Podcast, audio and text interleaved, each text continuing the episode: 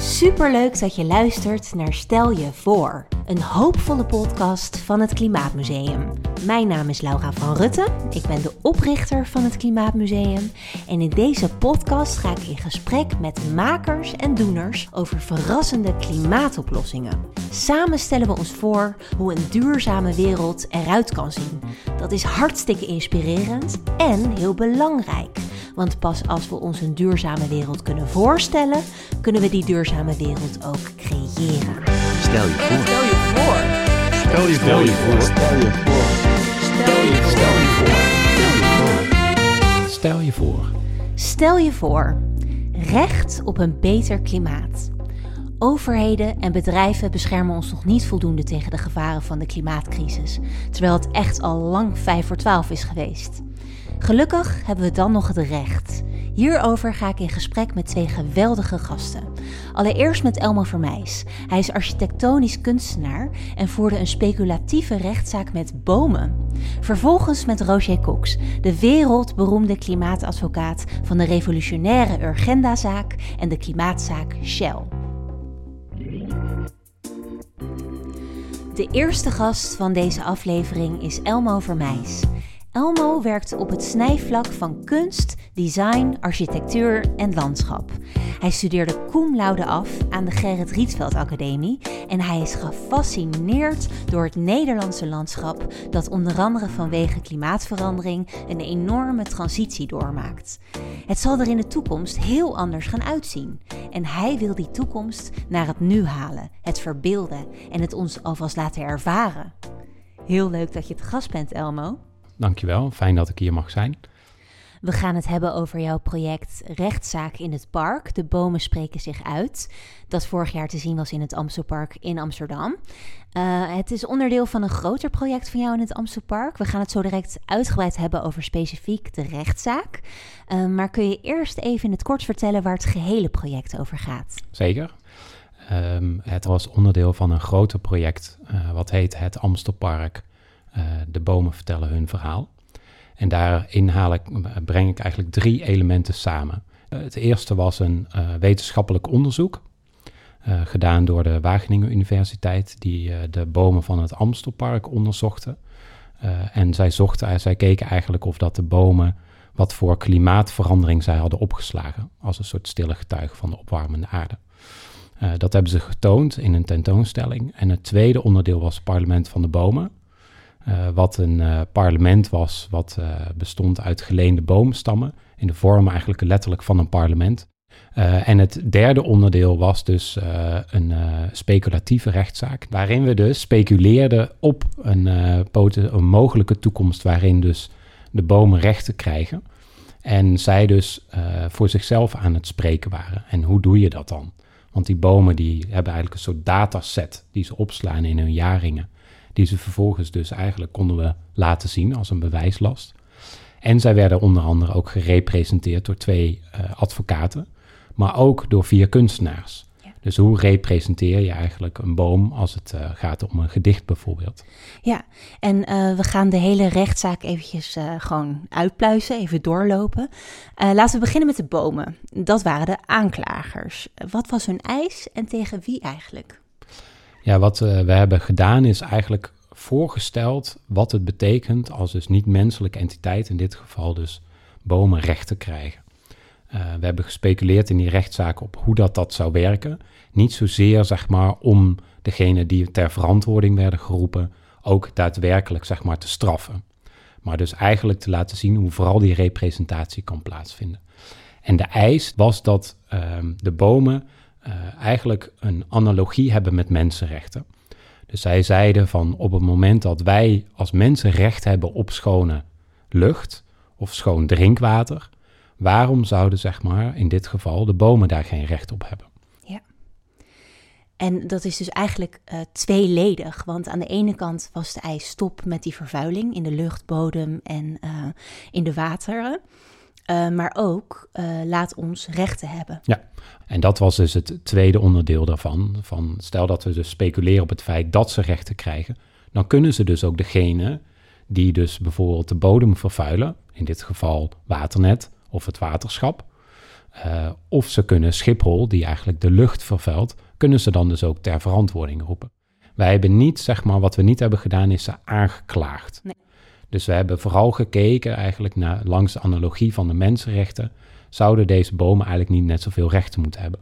En vooral gekeken en ruimte gemaakt voor, als we niet menselijke entiteiten representeren, hoe kun je dat dan artistiek als wel juridisch doen? En hoe ging dat artistiek? Want je zei het al even, er waren ook kunstenaars. Ja, er waren vier uh, verschillende onderdelen waarop uh, representaties plaatsvonden. Er waren inderdaad uh, de wortels, de stammen, de bladeren en de sappen. En voor de wortels had ik een, een, dichter gevraagd, een voormalig stadsdichter van Amsterdam, Gerswin Bonavacia, die specifiek voor de wortels een gedicht schreef. Wat heel bijzonder was, wat hij Ja. daar voordroeg. Eh, wat ook echt wel aankwam bij het publiek, was heel bijzonder om te zien. Ja, Dus, eh, wat deed het met het publiek? Nou, je ziet zeg maar op het moment dat je dus heel erg in die juridische taal zit, dat dat ook heel afstandelijk is. Ja. En dat is de, de kracht die, eh, wat mij betreft, eh, kunst kan hebben, is ook een empathisch vermogen eigenlijk oproepen bij, in dit geval, het publiek.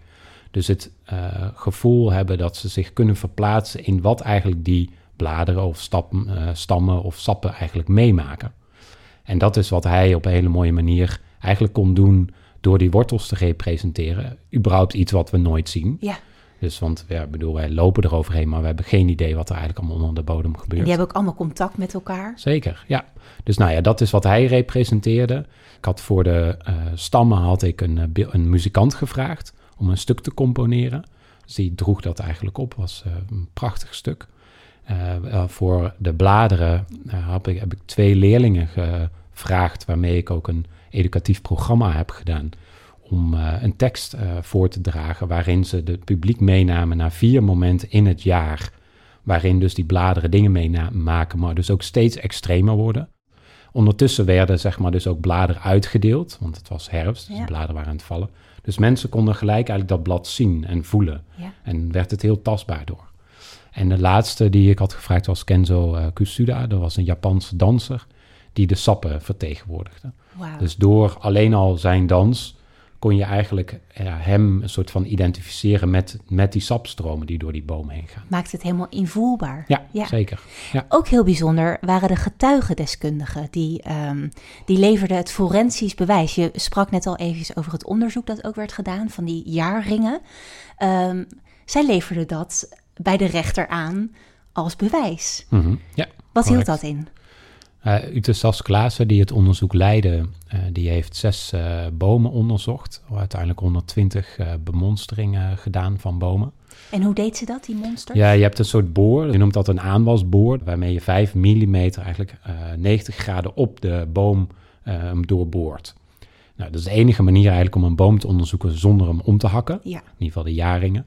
En zij halen daar een soort dataset uit. Nou, en daar komt een soort eh, analogie uit, een soort eh, bewijsmateriaal waarin ze dus daadwerkelijk kunnen aantonen dat in dit geval in ieder geval twee boomsoorten daadwerkelijk aan het eh, afsterven zijn. Door klimaat. Le- Letterlijk door klimaatverandering. Ja. dat Ja. is niet iets wat alleen het Amstelpark speelt, maar ook eigenlijk in heel Nederland. Een enorm groot probleem. Onder andere, dat zijn de sparren. Ehm, en zij zagen van bijvoorbeeld 2019, 2021 hele droge jaren waren. Als zich dat voortzet, konden ze nu al zien, zeg maar, eigenlijk voorsorteren op wat dat zou gaan inhouden. Ja. En dat betekent dat zelfs een aantal mediterrane soorten het niet meer gaan overleven. Oké. En hoe reageerden de advocaten? Want eh, de bomen hadden dus de advocaten die pleidooien hielden in naam van de bomen. Maar ook eh, de aangeklaagde, de vervuiler. Ja. Ehm, hoe gingen die pleidooien in zijn werk? Nou, de verweerder die zei eigenlijk van dat eh, de analogie die zij maakte niet kon, omdat, er eigenlijk, omdat het op niks wettelijks is eh, gebaseerd. Dus daarmee veegde hij eigenlijk binnen een minuut de hele zaak zeg maar, van tafel. Omdat hij zei van ja, als wij het gewoon gaan toetsen aan het juridisch kader op dit moment in Nederland, dan kan dit niet wat jullie doen. Eh, eh, er moet zeg maar eerst natuurlijk iets in, het, in, het, in de wetten veranderen voordat de rechter kan toetsen. De rechter die toetst op basis zeg maar, van wetten die gemaakt worden. En er zijn op dit moment nog geen wetten in Nederland waarin zeg maar, rechten voor niet-menselijke entiteiten verankerd eh, zijn. Ja. En toen kwamen de rechters aan het woord. Ja. Eh, wat was uiteindelijk ehm, het oordeel van de rechters? Uh, de uitspraak waar, waar zij mee kwamen bestond eigenlijk uit een, een, aantal onderdelen. Dus één daarvan was uh, dat de, deze zaak symbolisch is voor iets wat weer in Nederland veel groter is. En dat is eigenlijk de staat van onze democratische rechtsstaat. Um, dat zij van mening zijn als rechters dat de Nederlandse democratische staat in een puberale fase zich begeeft omdat wij enkel in een democratie bezig zijn met ons menselijke belang. En andere belangen, dus van eigenlijk niet-menselijke entiteiten, nog geen plek of rol daarin hebben gekregen. Niet juridisch zijn vastgelegd. Zij zegt, zij gaf aan, de enige manier zeg maar, om volwassen te worden, is om dat op een of andere manier te gaan verankeren in zeg maar, het rechtssysteem. Nou, dus daarmee gaf ze dus ook aan, wat ons betreft, zijn de bomen ontvankelijk. Dat is een van de belangrijkste dingen natuurlijk. Of ze überhaupt een belanghebbende zijn. Ja. En daarbij werd ook gerefereerd aan een aantal internationale verdragen op het gebied van uh, natuur en biodiversiteit. En ook de Urgenda-zaak werd nog aangehaald, waarin de rechter uh, oordeelde uh, dat Nederland zich beter moet gaan houden aan het klimaatakkoord van Parijs. Exact, ja, precies.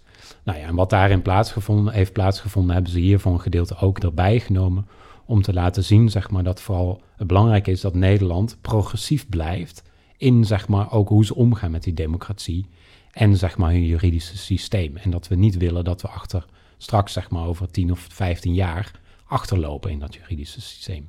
Ja. Nou, dus uiteindelijk is dat tot de slotconclusie gekomen, waarin ze eigenlijk hebben gezegd: op basis van deze onderdelen kunnen wij niet anders dan concluderen dat de eisers zeg maar, in het gelijk moeten worden gesteld. En dat zeg maar, uh, ze dus daarmee hebben gezegd dat die bomen in dit geval dus rechten hebben. Hè? Dus bestaansrecht hebben. En dus beoordeeld moeten worden op hun intrinsieke waarde en niet alleen maar op of wij er als mens iets aan hebben. Ja, want ze zijn, stap 1 was, ze zijn ontvankelijk verklaard. Stap 2 was, we moeten wel bij de tijd blijven. En er zijn allerlei verdragen die hier eigenlijk al naartoe wijzen. Ja. En dan komt uiteindelijk het oordeel. Ja. Uh, dus ze staan in hun recht ja. om dit te kunnen eisen. En was de eis helemaal toegewezen? Ja, de eis is volledig toegewezen. En was, kwam er toen een groot applaus van het publiek? Of hoe nou, moet je me was, Ja, iedereen veerde natuurlijk op. Ja. Het was een uh, fantastisch moment. En dat was ook wel echt uh, wel heel bijzonder om te zien, omdat wat we in die rechtszaak hebben geprobeerd uh, te, op te speculeren is zeg maar op een toekomst die nog niet bestaat, maar wel nu ervaren kan worden. Maar ook hoe belangrijk het is zeg maar, dat je dat kunt ervaren omdat iedereen die daar was, na de hand echt zoiets had van nu gaan we het ook fixen ook. Ja. Die energie, zeg maar, die kwam echt helemaal los. Nou, het was een groot succes. Uh, het hele project, niet alleen uh, het par parlement en de speculatieve rechtszaak. Um, er is inmiddels ook een documentaire over gemaakt. Hoe ga je nu verder? Bereid je je al voor op nieuwe rechtszaken? nou ja, wat ik denk dat die test, ik zie het echt als een testcase, heel succesvol was. En zo succesvol dat we nu aan nadenken zijn, is van hoe zou je dit kunnen doorontwikkelen? Een boom is wat mij betreft een van de belangrijkste elementen in de klimaatverandering, omdat het het enige organisme is wat de tijd opslaat. Ja. Er is geen enkel ander organisme wat eigenlijk in die zin voor zichzelf kan spreken, kan laten zien wat het wordt aangedaan. En daarmee een belangrijk wapen eigenlijk om dus zeg maar dingen, dingen aan te kaarten. Dus de potentie die die bomen hebben is enorm. Want nu hebben we het over bomen in het Amstelpark. Ja. Maar ga eens naar een boom die naast Statenstiel staat. Bijvoorbeeld, ja. En ik kan me daarbij voorstellen om als kunstenaar aangifte gaan doen. Hè, letterlijk aangifte bij een politiebureau namens een, boom of een collectief aan bomen. Ja. Met dat bewijsmateriaal. Wat we dus ook juridisch kunnen onderbouwen, maar ook wetenschappelijk. En dan kijken, wat doet dat en wat gebeurt Waar er loop je dus tegenaan ja. dan? En, en hoe, hoe wordt dat zeg maar in die wet zeg maar of in, in hoe ze toetsen in, de wetgeving, hoe wordt dat in het systeem, waar loop je tegenaan en welke weerstand ontstaat er dan? Ja, mooi. Ik ben heel benieuwd. Ik ook. Laatste vraag. Stel je voor, hè, we zijn nu toch aan het speculeren. Stel je voor, we worden morgenochtend wakker en bomen hebben inderdaad rechten. Dat is de normaalste zaak van de wereld. Wat zou dat betekenen? Het is uh, grappig dat je dat vraagt, want ik heb daar al in mijn opening statement, uh, toen de tentoonstelling opende, heb ik daar al aan gerefereerd.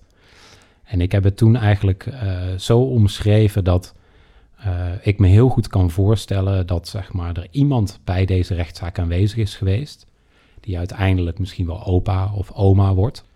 En dat die kleinkind over 30 jaar bijvoorbeeld weer in het Amstelpark rondloopt. En uh, bij die boom die nu getuige is geweest, uh, hebben ze afgesproken met elkaar. Dat kleinkind, dat, dat is inmiddels zeg maar, is bezig met dezelfde thematiek. En die is dus in staat eigenlijk om de, daadwerkelijk dus die bomen te representeren. En die bomen die bloeien, die, die groeien als een malle, die zijn in, in gemeenschap met elkaar. En die, die laten eigenlijk zeg maar zien hoe wij het voor elkaar hebben gekregen nu om die wereld langzaam te transformeren. Waarin we zeg maar als gelijken kunnen zijn en optrekken. Ja. En ik kan me echt voorstellen dat wij over 30 jaar in zo'n wereld uh, leven. Ja, het is mogelijk. Dus ook, nou ja, ik denk, dat, ik denk dat het veel sneller kan dan dat we nu voorstellen dat het kan. Ja. Daar hou ik me aan vast. Bedankt Elmo voor dit gesprek. Heel erg inspirerend. Dankjewel. Voor de luisteraars, check de show notes op klimaatmuseum.nl slash podcast. Daar vind je ook de link naar het project met foto's, video's, de documentaire en het hele dossier met alle pleidooien.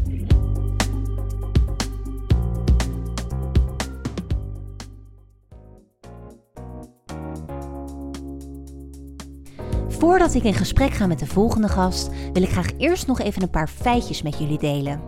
Wist je bijvoorbeeld dat de natuur in sommige landen op de wereld al wel rechten heeft? In Nieuw-Zeeland is de rivier Wanganui bijvoorbeeld als rechtspersoon erkend. En in Colombia geldt datzelfde voor het Amazonewoud, waardoor ze nu beter beschermd kunnen worden.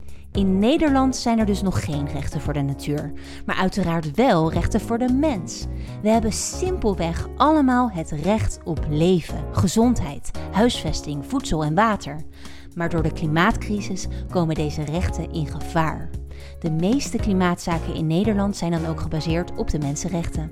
En meestal vallen deze zaken onder het civielrecht. Maar de verwachting is dat steeds vaker ook het strafrecht en het bestuursrecht gekozen worden. Wie aan klimaatzaken denkt, denkt al gauw aan de Urgenda-zaak of de Shell-zaak. En dat brengt me op de sponsor van deze aflevering. Dat is Milieudefensie. De klimaatorganisatie die de zaak tegen Shell is begonnen. Samen natuurlijk met topadvocaat Roger Cox, de volgende gast in deze aflevering. Maar wist jij dat de zaak ook 17.000 mede-eisers heeft? Mensen zoals jij en ik.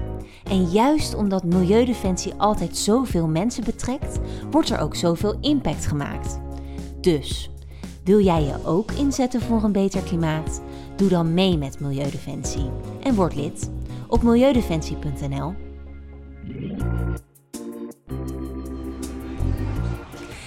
En dan nu een wel heel bijzondere gast, namelijk niemand minder dan de grote klimaatadvocaat Roger Cox. Hij is wereldberoemd vanwege de revolutionaire klimaatzaken die hij voert en wint, zoals de klimaatzaak tegen de Nederlandse staat, die hij voerde met Urgenda, en de klimaatzaak tegen Shell, die hij voerde met Milieudefensie. Met het winnen van deze klimaatzaken heeft Roger compleet nieuwe en baanbrekende juridische mogelijkheden gecreëerd om te zorgen voor een beter klimaat. Wat fantastisch nieuws is voor al het leven op aarde en de toekomstige generaties. Het is dan ook niets voor niets dat hij in 2021 door Time Magazine werd uitgeroepen tot een van de 100 meest invloedrijke mensen ter wereld. Welkom Roger. Goedemorgen. Een hele eer dat je te gast wilt zijn. Um, kan je allereerst in het kort vertellen wat je wilde bereiken met de twee klimaatzaken? Ja, we hebben twee zaken gewonnen. De zaak tegen de Nederlandse staat en de zaak tegen Shell. En ze zijn uh, in de basis eigenlijk uh, gelijk aan elkaar. En uh, de juridische redenering is eigenlijk dat iedereen in Nederland recht heeft op een leefbaar klimaat. om het klimaat leefbaar te houden, moeten we de doelen van het Parijsakkoord halen.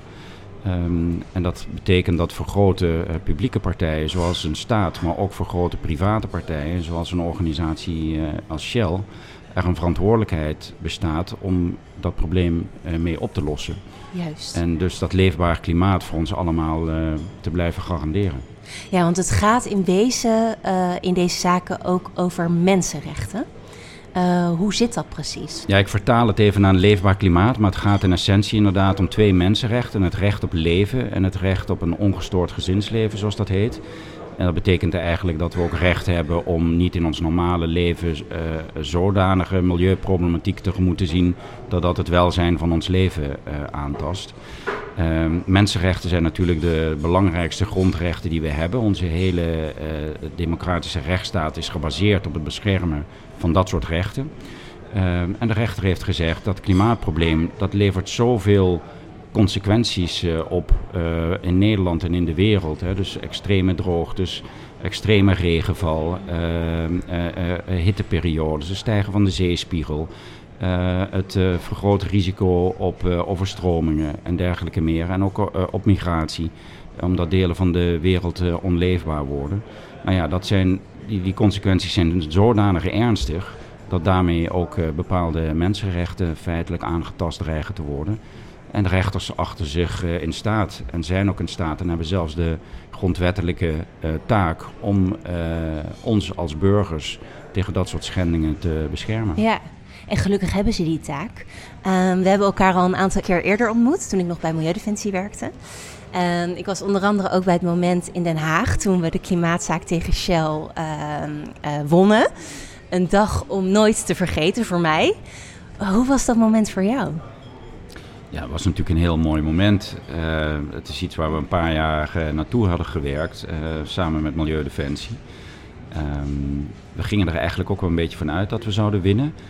maar je weet het natuurlijk nooit. En toen uiteindelijk de finale woorden door de rechter gesproken waren... en we dus ook daadwerkelijk wisten dat Shell veroordeeld was... en emissies zou moeten gaan reduceren... ja, was dat een heel heugelijk moment. Ja, en uh, het gaat dus om 45% uh, eh, emissiereductie in 2030 ten opzichte van uh, eh, 2019. Hoe revolutionair is dat? Ja, heel revolutionair. Want zowel de Urgenda-zaak was de eerste keer in de wereld dat een staat veroordeeld werd om beter klimaatbeleid te voeren. Um, dus ik zie de Urgenda-zaak ook een beetje als de moeder van alle klimaatzaken. En uh, de Shell-zaak uh, was ook uh, voor het eerste keer in de wereld dat een bedrijf veroordeeld werd om een beter klimaatbeleid te voeren. En ik denk dat de Shell-zaak ook de potentie in zich heeft om een, een enorm groot effect in de wereld te creëren. Ja, want er ging na, na die uitspraak echt een schokgolf door de bestuurskamers heen. het heeft niet alleen effect op Shell zelf, maar er zijn ook allerlei indirecte effecten. Wat moeten we ons daarbij voorstellen? Nou ja, het directe effect is inderdaad dat, uh, dat Shell zelf nu verantwoordelijk is om uh, wat een technische term heet, zowel de scope 1, 2 en 3 emissies te reduceren. Dus dat betekent dat ze zowel de emissies moeten reduceren van hun eigen activiteiten als van de producten die ze verkopen. dat gaat toch over ongeveer 2,5% van alle emissies in de wereld komen daaruit voort. Dus dat is een enorm aandeel. Dus dat is het directe effect. En die, en die producten die ze verkopen, dat is dus die scope 3. En dat gaat bijvoorbeeld om benzine. Dat gaat over benzine en andere uh, fossiele brandstoffen. Um, maar doordat, uh, doordat ze uh, dat ongeveer moeten halveren in de komende acht jaar tijd, dat gaat, dus een, dat gaat over een enorme, enorme hoeveelheid emissies in de wereld. Maar het indirecte effect is natuurlijk dat nu duidelijk geworden is dat dit soort organisaties risico's, aansprakelijkheidsrisico's lopen. Dus dat betekent ook dat financiers van dit soort organisaties uh, met dat nieuwe risicoprofiel rekening moeten houden. Accountants zijn zich nu van die risico's bewust en moeten daar wat mee in de, in de context van het controleren van jaarverslagen van dit soort bedrijven. De bewustwording bij de burger is hierdoor denk ik ook groter geworden. Uh, een strategie van uh, bedrijven als Shell is toch om vooral te wijzen naar de overheid en naar de burger als degene die zouden moeten veranderen. En uit deze uitspraak blijkt dat het eigenlijk het bedrijfsleven zelf ook is dat het voortouw moet nemen in die noodzakelijke maatschappelijke verandering. Ja, want Shell is inmiddels in hoger beroep gegaan. En hun verweer is inderdaad: uh, jullie kunnen ons niet verantwoordelijk houden. Het is, zijn de consumenten. Er moet regelgeving komen vanuit de overheid. Wat vind je van die redenatie? Dat is een uh, redenatie die Shell heel goed uitkomt. Ja. Want als je zegt dat de overheid uh, maar regels moet uh, maken. en je weet dat je vervolgens een enorme invloed op diezelfde overheid hebt. om die regels vooral niet te maken. Ehm, dan, dan, dan is dat natuurlijk een, een heel makkelijke redenering. Hetzelfde geldt voor de consument. kijk, op het moment dat de grootste energiebedrijven in de wereld, zoals Shell, de consument alleen maar fossiele brandstoffen blijven aanbieden, wordt het voor de consument heel moeilijk om te veranderen. En de, de invloed van dit soort bedrijven op wat het aanbod aan energie is, de, de manier waarop zij de politiek beïnvloeden via lobby en de samenleving beïnvloeden via marketing en greenwashing en dat soort dingen, is zo groot dat die energietransitie gewoon niet mogelijk is op het moment dat dit soort bedrijven niet ook uh, proactief uh, meebewegen ehm, en, en zichzelf ook tot doel stellen om een bijdrage te leveren aan het halen van het Parijsakkoord. En dat doen ze dus niet uit zichzelf en daarom zijn die rechtszaken zo belangrijk. Zie je het recht als laatste troef? Het gerecht is een heel belangrijke troef. Ehm, daarnaast zijn er natuurlijk ook andere bewegingen die noodzakelijk zijn. Hè? Dus uh, een grotere betrokkenheid van burgers. Uh, de, de, grote betrokkenheid van jongeren die de straat op gaan om een stem te laten horen en een beter klimaatbeleid te eisen, is natuurlijk ook een heel belangrijke troef. Maar als het om het recht gaat, ja, ik denk dat dat een, een mega belangrijke troef is. Want de rechtbank is toch nog zo'n beetje de enige plek in de samenleving waarin uh, met rust en aandacht naar elkaar geluisterd moet worden. Waarom, waar het om het uitwisselen van standpunten gaat die allemaal gemotiveerd moeten zijn en bewezen moeten worden. Um, en waar ook het lange termijn belang nog, een, nog echt een rol speelt. En ja, dat is in, de, in het huidige tijdsgevricht zie je dat in de politiek en in de media en in andere platforms eigenlijk niet meer terug. Hè? De, de wereld gaat veel te veel over one-liners. Iedereen kan roepen wat hij wil. Niemand hoeft bewijs ergens voor aan te leveren. Je komt tegenwoordig zelfs weg met de grootst mogelijke onzin uh, verkopen. Uh, wat wetenschappelijk gewoon aantoonbaar is dat niet klopt. maar het wordt allemaal toch niet geverifieerd. En de media is erop uit om vooral veel meningsverschillen te laten zien. En polarisaties uit te vergroten en zo. Want dat, dat verkoopt kranten. Ehm, maar dat, dat soort dingen speelt allemaal niet in een rechtszaak. Daar gaat het gewoon om duidelijke stellingen, om duidelijk bewijs. En uh, om het toetsen van gedragingen aan de normen en waarden die we als samenleving hebben vastgesteld en in wetten en regels hebben vastgelegd. Ja, en dat heb je dus heel goed aangetoond, want er is al meerdere keren gewonnen. Um, je benoemde al even dat er ook andere bewegingen noodzakelijk zijn in het oplossen van de klimaatcrisis. Er wordt steeds meer kunst gemaakt op dit gebied. En er is zelfs ook een theaterstuk gemaakt van de klimaatzaak Shell. Uh, door theatermakers Rebecca de Wit en Anouk Nuyens. Heb je het stuk gezien? En wat vond je ervan? Dat is een fantastisch theaterstuk. En het is denk ik ook heel goed dat uh, uh, vanuit de kunstwereld en de artistieke wereld aandacht aan dit probleem wordt gegeven, omdat het een, op een andere manier voor kennisoverdracht en bewustwording zorgt. En veelal op een manier die toegankelijker is dan een wetenschappelijk rapport lezen. En ik sta er altijd van te kijken op wat voor een uh, ongelooflijk boeiende manier de kunstwereld en de artiestenwereld dit, dit vraagstuk kan vertalen naar, naar, naar ons als gewone burgers toe. Ja. Dus ik jaag dat van harte toe. Mooi. hey, en er staat ongelooflijk veel op het spel. Het gaat hier om het klimaat, om de leefbaarheid van de aarde. Het gaat ook over David tegen Goliath. Ik kan me voorstellen dat deze klimaatzaken ongelooflijk veel van je, van je vragen, ook persoonlijk. Hoe hou je het vol? Uh, ja, dat is, uh, inmiddels ben ik daar toch al 17 jaar mee bezig en dat is inderdaad hard werken. Ja, dat zijn lange dagen. Uh, hoe hou je dat vol? Door gezond te leven, uh, daar begint het mee. Dus door een beetje als een sporter te leven. Dus zorgen dat je genoeg slaapt en geen alcohol drinkt. En, en dat je zo nu en dan een keer ontspant als het, als het echt even nodig is of kan. En dat je verder gewoon met de stroom meebeweegt. Dus daar gaan heel veel avonden, weekenden en zelfs vakanties aan op. Um, maar daar moet je niet te veel mee zitten. Je moet, je moet het gewoon zien voor wat het is. Er is een opgave die gedaan moet worden. En door er een beetje mee te bewegen. En ik heb dan natuurlijk ook het geluk dat, dat mijn thuisfront bereid is om dat te accepteren. Uh, dus dat maakt dat ik daar ook geen energie aan hoef uh, te verliezen. En ja, zo hou je de energie zoveel mogelijk bij jezelf. En wordt je output ook zo groot mogelijk. Ja, want je hebt ook twee dochters. Um, een heel emotioneel moment, vond ik zelf uit de klimaatzaak tegen Shell, was het pleidooi van de toenmalig voorzitter van de jongerentak van de Milieudefensie. Ze hield echt een vlammend betoog uh, over uh, toekomstige generaties, hè, wat er op het spel staat. Dat werd ineens het slotpleidooi. Wat gebeurde er en wat had dat voor een effect? Ja, wij hadden natuurlijk al uh, vier dagen gepleit en we kregen daarna nog uh, de mogelijkheid om, ik weet niet, om een half uur of een uur nog een slotpleidooi te geven. Maar wij vonden dat we eigenlijk alles wel gezegd hadden en dat het veel indrukwekkender nog zou zijn op het moment dat uh, een jonger iemand de rechtbank zou toespreken op het moment waar we nu in de geschiedenis staan en hoe belangrijk deze uitspraak wel niet is voor de toekomst van de jonge generatie in de samenleving nu en voor toekomstige generaties. Um, dus het leek ons gewoon beter om dat geluid nog een keer te horen in plaats van een soort van samenvatting van alles wat er gezegd zou zijn. En dat maakte ook heel veel indruk, ook op mij uh, overigens.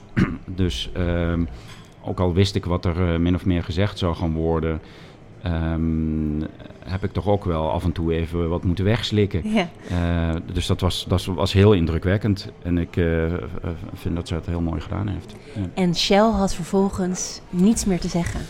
Shell heeft er vervolgens voor gekozen om ook niet een heel droog eindpleidooi te houden over wetenschappelijke feiten en zo. En het op dat moment maar te laten voor wat het is. Ja. ja.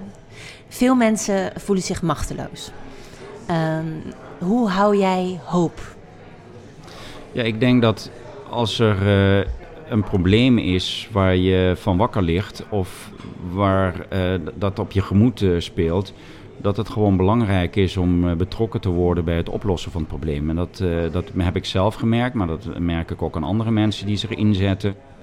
dus de beste manier om, om je gemoed goed te houden is denk ik om ermee aan de slag te gaan, om het probleem mee te helpen oplossen. Ja. En je gaat ermee aan de slag en we blijven ermee aan de slag, want eh, binnen een jaar ongeveer zal dat hoger beroep tegen Shell plaatsvinden. De rechtbank moet nog de precieze data uh, bepalen. Um, gaan we opnieuw winnen? En ik zeg we, omdat ik dus een van die 17.000 mede-eisers ben in de zaak. Ja, ik denk dat onze uitgangspunten heel goed zijn. En uh, we sturen nu gewoon op bekrachtiging van het vonnis in eerste aanleg. En ik denk ook dat ons dat gaat lukken, ja. Ja, dat zou heel mooi zijn. Um, laatste vraag. Stel je voor, dus we winnen inderdaad en we gaan daar gewoon helemaal van uit. Um, wat zou dat betekenen voor de wereld? Nou, ik denk dat het uh, in ieder geval te beginnen met Nederland betekent dat er een definitief paradigma uh, shift heeft plaatsgevonden in het Nederlands recht. En dat, dat nu die verantwoordelijkheid voor grote publieke en private systeemspelers in Nederland dan gewoon echt voor eens en voor altijd vaststaat. Met alle mogelijkheden die dat biedt, zowel in relatie tot andere bedrijven in Nederland, maar ook eigenlijk in relatie tot alle andere bedrijven in het buitenland. Want het unieke van het klimaatprobleem is natuurlijk dat het maakt niet uit waar een bedrijf in de wereld gevestigd is op het moment dat zij uh, voor CO2-emissies zorgen, ook al doen ze dat vanuit Argentinië of de Verenigde Staten, dan levert dat gewoon wereldwijd een probleem op en dus ook uh, wereldwijd schade. En dus ook schade in Nederland. En dat, en laatste feit, het feit dat uh, buitenlandse bedrijven ook een Nederlands schade creëren, dat is een aanknopingspunt in het recht om ook buitenlandse bedrijven in Nederland voor de Nederlandse, dag, voor de Nederlandse rechter te kunnen dagvaarden en uh, naar Nederlands recht een claim uh, te kunnen indienen tegen die buitenlandse bedrijven. Dus dat domino-effect Dus, dus dat domino-effect wordt dan opeens een heel stuk groter. Nog naast uh, al die andere effecten waar we het uh, over hadden, die maken dat uh, de risicoperceptie ten opzichte van bedrijven toeneemt. En dat ook voor, uh, voor een hele hoop uh, uh, verzekeraars en financiers van dit soort bedrijven, voor de accountancy van dit soort bedrijven, zelfs voor de advocaten voor dit soort bedrijven, ook aanvullende risico's met zich mee gaat brengen. En die risico's die zijn voor een bedrijf te vertalen naar winsten en dergelijke. En dan denken ze wel drie keer na voordat ze vervuilende praktijken gaan doen. Nou ja, die risico's zijn te vertalen naar aansprakelijkheden voor het bedrijf zelf en mogelijk zelfs voor een bestuurders, maar ook voor de partijen die die bedrijven faciliteren in, uh, in, uh, in het klimaatonrecht, om het zo maar te zeggen. Nou, dit gaat natuurlijk gewoon heel snel ook gebeuren. Dus um, dat is heel hoopgevend. Heel erg bedankt voor dit gesprek en je tijd. Ja, dank je. Het was me genoegen. Uh, voor de luisteraars, check de show notes op onze website klimaatmuseum.nl/slash podcast. Daar vind je allerlei linkjes naar meer informatie over de klimaatzaken. Een linkje naar het boek dat Roger schreef, Revolutie met Recht. En een link naar de indrukwekkende documentaire Duty of Care, waarin je een kijkje krijgt in het leven en werk van Roger Cox. Echt een aanrader.